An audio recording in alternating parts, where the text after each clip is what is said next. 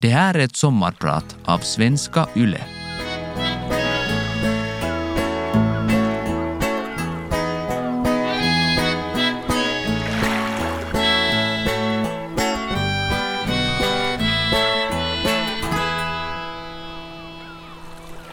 Jag var 15 år gammal när jag första gången träffade en mörkhyad person. Alltså en annan mörkhyad än jag själv. Jag är uppvuxen i det lilla Hanget på 70 och 80-talet. Min mamma var vit, mina morföräldrar var vita, alla mina kompisar och lärare och tränare var vita. Alla andra i hela Hangö var vita. Min pappa och hans släkt var svart, men dem hade jag ingen kontakt med.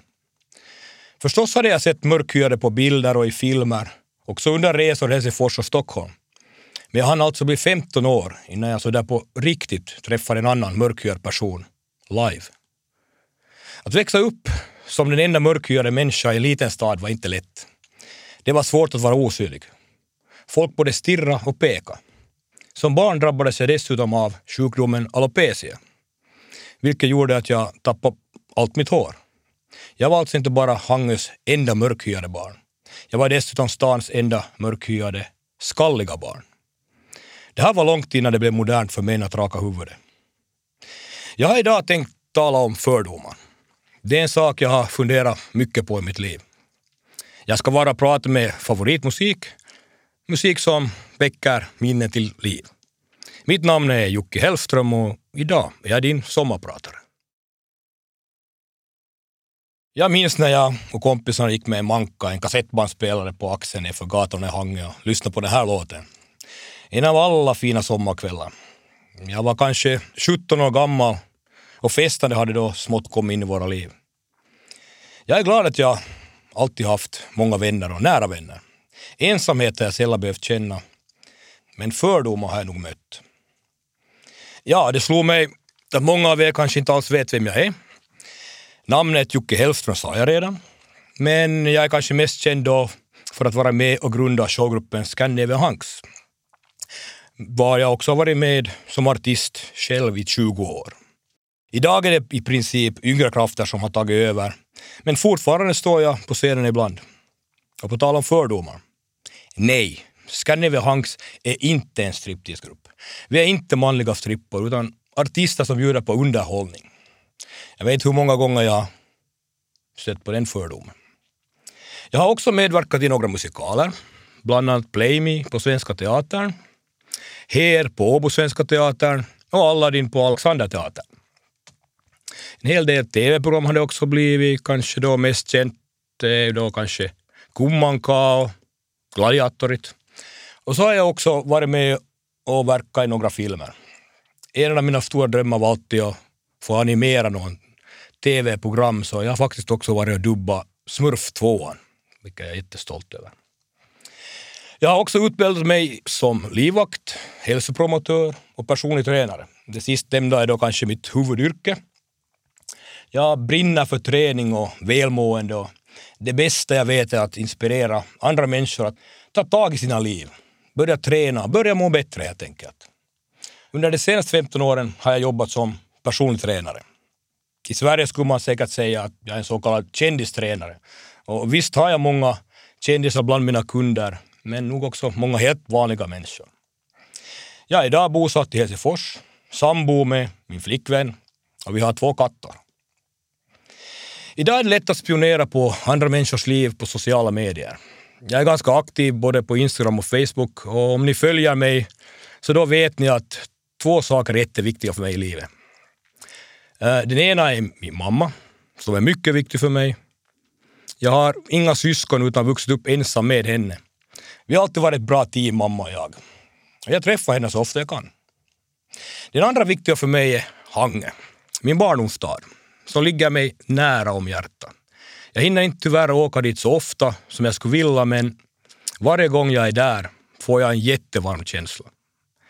Det känns som Ulf Lundell tänkte på Hangö när han skrev den här fina låten. Min story börjar på Södra sjukhus i Stockholm år 1973. Min mamma födde mig där och hon jobbade också på det här sjukhuset. När jag var ett och ett halvt år gammal flydde min mamma från Sverige hem till sitt hemland Finland. Jag vill nu inte gå närmare in på alla tråkiga detaljer, Det räcker att jag säger att hon tog mig under armen och övergav allt hon hade i Stockholm. Efter lite omvägar rotade vi oss i Hangö. Hangö var som sagt en väldigt vit stad på den tiden. Det fanns inga färgade människor, förutom jag. Jag var så liten när jag flyttade dit, så den här tiden har jag egna minnen av. Det var mera min mamma som fick uppleva fördomar den gången. Folks blickar, hur de stirrade. En del pekade, också vuxna människor. Andra var tysta. Några ställde frågor som kanske inte alltid var helt snälla. Mitt första egna tydliga minne jag har att jag var annorlunda var när jag började skolan.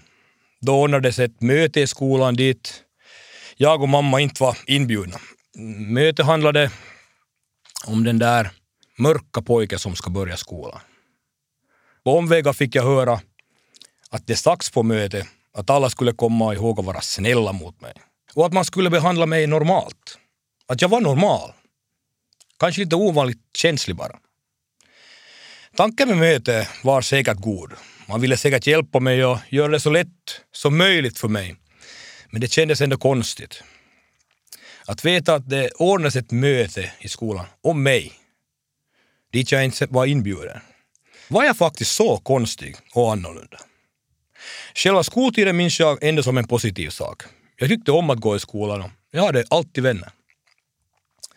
Redan i förskolan hade jag fått kompisar. Min bästis var Jocke som bodde i höghuset mittemot vårt. Han var lika gammal som jag och vi lekte alla dagar. På gården fick jag också många andra kompisar. Jocke var blond och hade blåa ögon. Min högsta dröm var att få se ut som han. Vara lika snygg som han. Det var just så som jag tyckte att en snygg pojke skulle se ut. Vara blond och ha blåa ögon. Jag började tidigt hata mitt utseende. Jag, jag visste att jag var ful. Inte bara annorlunda utan ful. Jag tyckte överlag att svarta var fulare människor än vita. Och jag minns att jag var jättearg på min mamma för att jag hade en svart pappa. De här tankarna om mitt utseende och alla de känslor som väcktes hos mig kom att lägga grunden för hur mitt liv skulle bli och varför jag har gjort sådana val i livet som jag har gjort. Bon Jovi har alltid varit en av mina favoritband. Jag har bred musiksmak, som ni kommer att märka idag. Det att rockmusik är nära mitt hjärta är det inte så konstigt om man har vuxit upp i en vit 80-talsmiljö. Hade jag växt upp i ett svart samhälle hade jag väl knappast diggat Bon Jovi. Eller vem vet? Kanske jag bara har fördomar. Det är alltså fördomar det handlar om idag. Fördomar som vi säkert alla någon gång har råkat ut för eller haft. Vi människor nu bara är såna. Snabba att läsa av andra och att dela in människor i olika grupper eller fack. Svarta, vita, långa, korta, tjocka, smala, utlänningar, finländare och så vidare. Det är helt mänskligt att göra så, men många gånger kan det också bli fel. När man placerar folk i fel fack utan att förstå bättre. Det är lika så mänskligt att skvallra om andra, spekulera om andra människors liv eller val i livet. Alla har vi någon gång varit utsatta för det. Och alla har vi någon gång gjort det. Också jag. Många gånger är det kanske inte ens så illa menat men kan ändå göra mycket skada. Och jag tror att det är viktigt att bli medveten om vilka fördomar man har. Och sen göra något åt det. Om vi vuxna inte tar vårt ansvar så lär sig inte heller barnen. För det bara är så att barn kan vara mycket elaka. Mobbning är vanligt och många far illa. Jag sa tidigare att jag har valt att se min skolgång som en positiv sak. Men glåpord av olika slag var nog vanliga. Varje dag fick jag höra något. Oftast var det av äldre pojkar som skrek elaka saker och ganska tidigt märkte jag att, att det var sådana som själva var mobbade, som gav sig på mig. Först fick de ta skit av någon annan och sen hällde de det rakt över mig. Tack och lov hade jag hela tiden goda vänner. Och det gjorde förstås det lättare. Också om det för en liten pojke är svårt att strunta i de elaka orden. De, de sjunker nog in, hur hårt skal man än försöker ha. Det att folk sa elaka saker eller stirrade i hangen hade säkert till viss mån att göra med att jag faktiskt var en alien i småstan. Många människor hade aldrig sett en svart människa tidigare. Det hade ju faktiskt inte jag själv heller gjort. De mest dramatiska mobbningsminnena har jag nog utanför Hangers gränser. Jag har varit idrottsintresserad hela mitt liv och börjat tidigt spela fotboll, handboll, friidrott, kampsporter och till och med ishockey. Det var så kalla vintrar på den tiden att Hange hade ett eget hockeylag som klarade sig utan någon ishall. Med de här olika grenarna var vi ofta på turneringar och matcher utanför Hange och där fick jag ofta höra glåpord. Inte bara av andra barn utan också av vuxna, deras tränare, föräldrar och till och med ofta domare. Speciellt bra minns jag en resa till Mariehamn. När vi kom hem tillbaka med båten till Åbo plockade tullarna förstås ut mig när vi gick i land. Alla andra fick gå förbi, men den 11-åriga mörkhyade pojken plockades ut och förhördes. Vem var jag? Var kommer jag ifrån? Min tränare kom snabbt till mitt försvar. Det kändes skönt förstås, men samtidigt skämdes jag. Varför skulle jag alltid vara annorlunda och bli behandlad på ett annat sätt? Tidigt lärde jag mig att känna skam. Idag blir jag arg när jag tänker på det här minnet och hur tullarna behandlade 11-åriga Jocke. Stackars pojke. Mitt namn är Jocke Hellström och idag sommarpratar vi om fördomar. En riktig spark i magen var när jag som liten ofäker pojke drabbades av sjukdomen alopecia. Eller, eller till en början fick jag inte ens en diagnos. Man visste knappt vad det var på den tiden. Jag tappade i alla fall allt mitt hår, också mina ögonbryn. Mamma var orolig, jag var rädd. Va, vad är det här? Är det något farligt? Och så var det ju förstås pinsamt. Och jag skämdes. Det sades att ett tiotal andra personer i Finland har samma sjukdom och jag minns att läkaren sa att jag skulle vara glad att jag inte är en flicka. På tal om fördom. Varför skulle det vara lättare för en pojke att tappa allt sitt hår? Jag var sex år gammal och gick i förskolan när sjukdomen bröt ut. Nu var jag inte bara stans enda mörkhyade pojke, nu var jag dessutom skallig. Alla mina vänner och bekanta i Hangö såg mig gå igenom det här och alla visste om den här sjukdomen. Men när jag efter gymnasiet flyttade till Helsingfors så berättade jag ingenting för mina nya vänner om min alopecia. På den tiden hade det då blivit modernt med riktigt kortklippta frisyrer och till och med att raka skallarna. Det var inte ovanligt längre och därför frågade ingen någonting. Och jag sa inte heller någonting. Av någon konstig orsak skämdes jag. Skammen satt djupt där inne. Det var först för två år sedan, när jag redan var över 40, som jag första gången offentligen talade om min sjukdom i ett tv-program. Det kändes jätteskönt och lättande. Efteråt har jag kommit i kontakt med andra människor i samma situation och det har varit helande att prata om det här. Men fortfarande känns det otroligt jobbigt att titta på mina gamla skolfoton från den här tiden. Ibland växte det ut lite hår, så föll av, så växte det igen för att falla av. På vissa skolfoton har jag lite hår på huvudet och när jag ser dem hör jag från mitt inre ordet kråkboet. Det var det som skreks efter mig.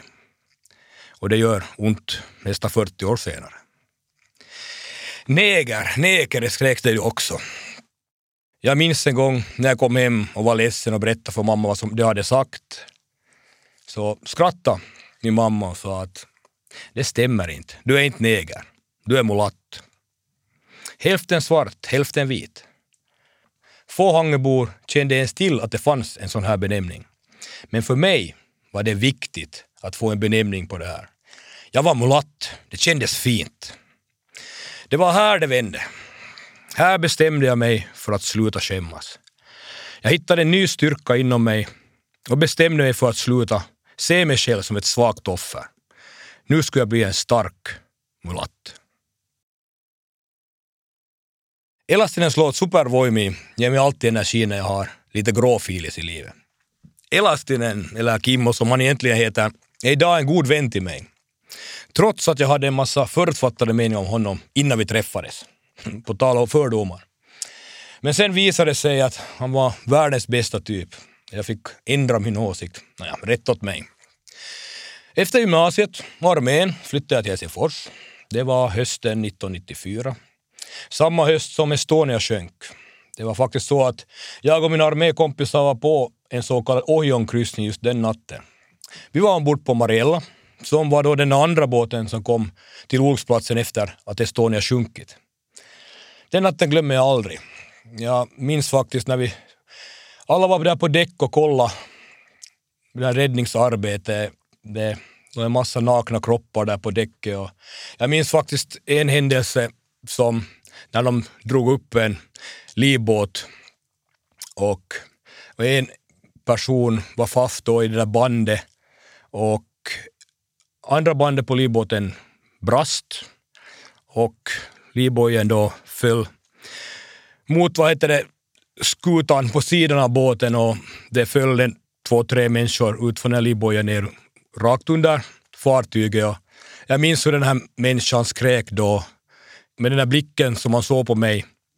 Och det tog inte länge så brast andra bandet och hela livbojen for under fartyget. Som sagt, den natten glömmer jag aldrig. Nåja, jag flyttade till storstan. Blyg och osäker, men tuff. I tanken odödlig. I tanken odödlig och ingen eller inget kunde rubba mig fysiskt. Jag hade hållit på med kampsporter sedan jag var åtta och började med bodybuilding som 16-åring. Sex år senare var min vikt 130 kilo muskler. I det osäkra hjärta fanns det också en stor kolbit av fördomar mot flyktingar. De första flyktingarna hade börjat komma till Finland och jag minns att andra färre människor hälsade på mig ofta, så då hälsade jag aldrig tillbaka. Jag tyckte det kändes konstigt. Jag kände ju inte dem. Inte var jag en av dem. De första mörkare vänner jag hade var amerikanska basketspelare. De skrattade åt mig och sa att jag var så vit i hjärtat. Att jag hade fördomar mot svarta och jag visste ingenting om svart kultur. De hade ju rätt. Jag var som en vit person som målats brun.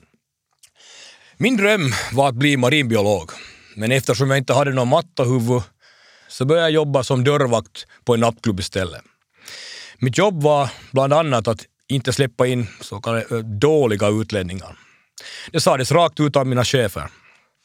Så där fick jag stå och försöka avgöra vem som var bra, vem som var dålig. Och så fick jag hitta på någon då orsak att inte släppa in dem. Det var fel skor eller något annat dumt påhittat. Jag blev ofta osams med somalierna. Det var arga på mig. Jag blev kallad av dem då white nigger. Och det uppstod ofta bråk. Jag hade precis lika mycket fördomar om dem som de om mig. Turkar tyckte jag inte heller om på den tiden. Det är underligt det här med fördomar. Jag umgicks en hel del med motorcykelkillar och till och med då finska skinheads. Det kändes bra att de gillade mig. Jag fick vara med trots att jag var mörkhyad. Jag var så, en så kallad bra neger. I vissa fall lyckades jag faktiskt ändra deras inställning till färgade människor också. Flera av dem började ifrågasätta senare sin ideologi. Det är jag ganska stolt över. Som 22-åring började jag jobba som livvakt, främst till utländska artister som kom till Finland och uppträdde. Jag uppskattades för jag var pålitlig, stor och tuff, men också snäll, ärlig och trogen. Jag var en färgad kille som nu fick respekt av det vita. Och det var jag stolt över. Men jag hade också en massa egna fördomar mot folk från andra nationaliteter. Det skäms jag över idag när jag har kommit på bättre tankar. Och på tal om fördomar. Följande artist har jag märkt att många haft fördomar om, speciellt här hemma i Finland. Hon är en god vän till mig sedan tio år tillbaka. Vi har gjort många roliga projekt tillsammans, inte minst Eurovision i Malmö 2013. Och så är jag också hennes personliga tränare. Jag har hört många säga att hon är fake, hon är inte äkta. Vilket skitsnack, säger jag. Ingen kan vara så öppen, glad, sprallig och energisk som hon. Hon har jobbat mycket i motvind och trots folks fördomar är jag glad att finländare med tiden har tagit henne till sitt hjärta. Här kommer Krista Sigfrids i en av de vackraste ballader jag vet. Can you see me? Oj, så den är fin den här sången. Jag har faktiskt nog släppt en och annan tår till den här. Det är främst då kanske morfar som jag tänker på. Han var ju min faders figur i barndomen. Kanske det också är en fördom. Att stora vuxna karlar inte gråter. Förstås gråter vi ibland. Redan i början av 90-talet fick jag första gången frågan om jag ville komma med i gruppen Chippendales. Min dåvarande flickvän sa absolut nej. Men när jag fick frågan i slutet av 90-talet, så för att jäklas med samma flickvän som då var min ex-flickvän, sa jag ja. Så jag klev av säkerhetsbranschen där jag hade ett fint fast jobb och sa jag kommer tillbaka om ett år. Jag kunde aldrig förstå att det här var en sak som skulle plantera sig i mitt hjärta och vara viktig i mitt liv ännu idag, 20 år senare. Jag trivdes från första stund. Jag hade gjort en del dansshower, modevisningar och jag gillade att uppträda. Men jag var alltid jättenervös och ett problem var att jag svettades supermycket. År 2001 bildade jag och några kompisar gruppen Scandinavian Hunks. Vårt mål var då att förflytta fokuset från det lättklädda till en grym show. Glimten i ögat, proffsig koreografi, snygga ljudeffekter, bra underhållning, helt enkelt. Vi gissade nog att det skulle finnas en marknad för det här, men att det skulle bli så stort som det blev fattade vi aldrig. Vi turnerade landet kring och ännu idag, nästan 20 år senare, produceras det nya shower på löpande band. Det hela ledde ju också till att ordet hunk blev ett vanligt ord i Finland. Det från början amerikanska ordet används både i finska och svenska idag. Alla vet vad det betyder. När vi körde igång i början av 2000-talet fick vi ofta förklara vad ordet betydde. I samma stund som jag blev hangsjukki kom det nya fördomar in i mitt liv. Killar som dansar på scen, river av skjortan, flexar muskler inför skrikande tjejer i publiken. De killarna kan ju tydligen inte vara något annat än egetkära divor, höga i korken, ytliga eller åtminstone bögar. Ja, det var en massa rykten som cirkulerade. Typiskt är ju att de här kommentarerna alltid kom från folk som inte hade sett showen. Och förvånansvärt ofta kom de också från min kära hemstad Hange. Hangepojken ju har gått och blivit diva. Nåja, alla som känner mig vet ju att det är bara skitsnack. Jag är ju motsatsen till allt det där. Och det gäller inte bara mig, utan alla killar i Hanks. Vanliga, trevliga, vettiga människor. Visst har vi haft några genom åren där kanske framgången steg dem i huvudet, men deras karriärer varade inte länge. Det finns en stor ödmjukhet inom gruppen. Och det är nog det som har gjort att jag har stannat så länge. Vi har roligt tillsammans. Alla är schyssta mot varann och känner tacksamhet över det vi fått vara med om. Det är häftigt att göra en bra show inför fullsatt sal. Fullt med skrikande fans som reagerar på det vi gör på scenen, skrattar, sjunger, klappar, skriker, gråter. Njuter av livet, så där som bara kvinnor kan när de kopplar av av den stressiga vardagen. Det är lika häftigt varje gång. För det är publikmötet det handlar om. Inte vad man tycker om sig själv när man står på scenen, utan den kontakt man får med publiken. Det är häftigt när man ser ensamma människor som lever upp av den uppmärksamhet vi kan ge dem. Jag har fått uppleva samma saker på scenen som stora världsstjärnor och det är jag mycket tacksam för. Någon diva är jag inte. Inne i mig finns nog fortfarande en blyg och osäker lite hangepojke.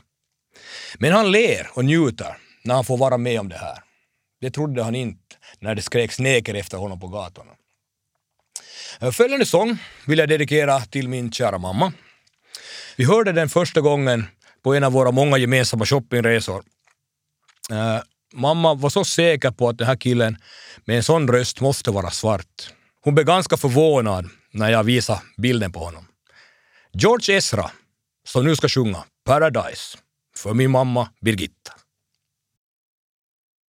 När jag första gången talade om alopecia i TV fick jag jättemycket feedback från människor som sa att de fick styrka av min berättelse.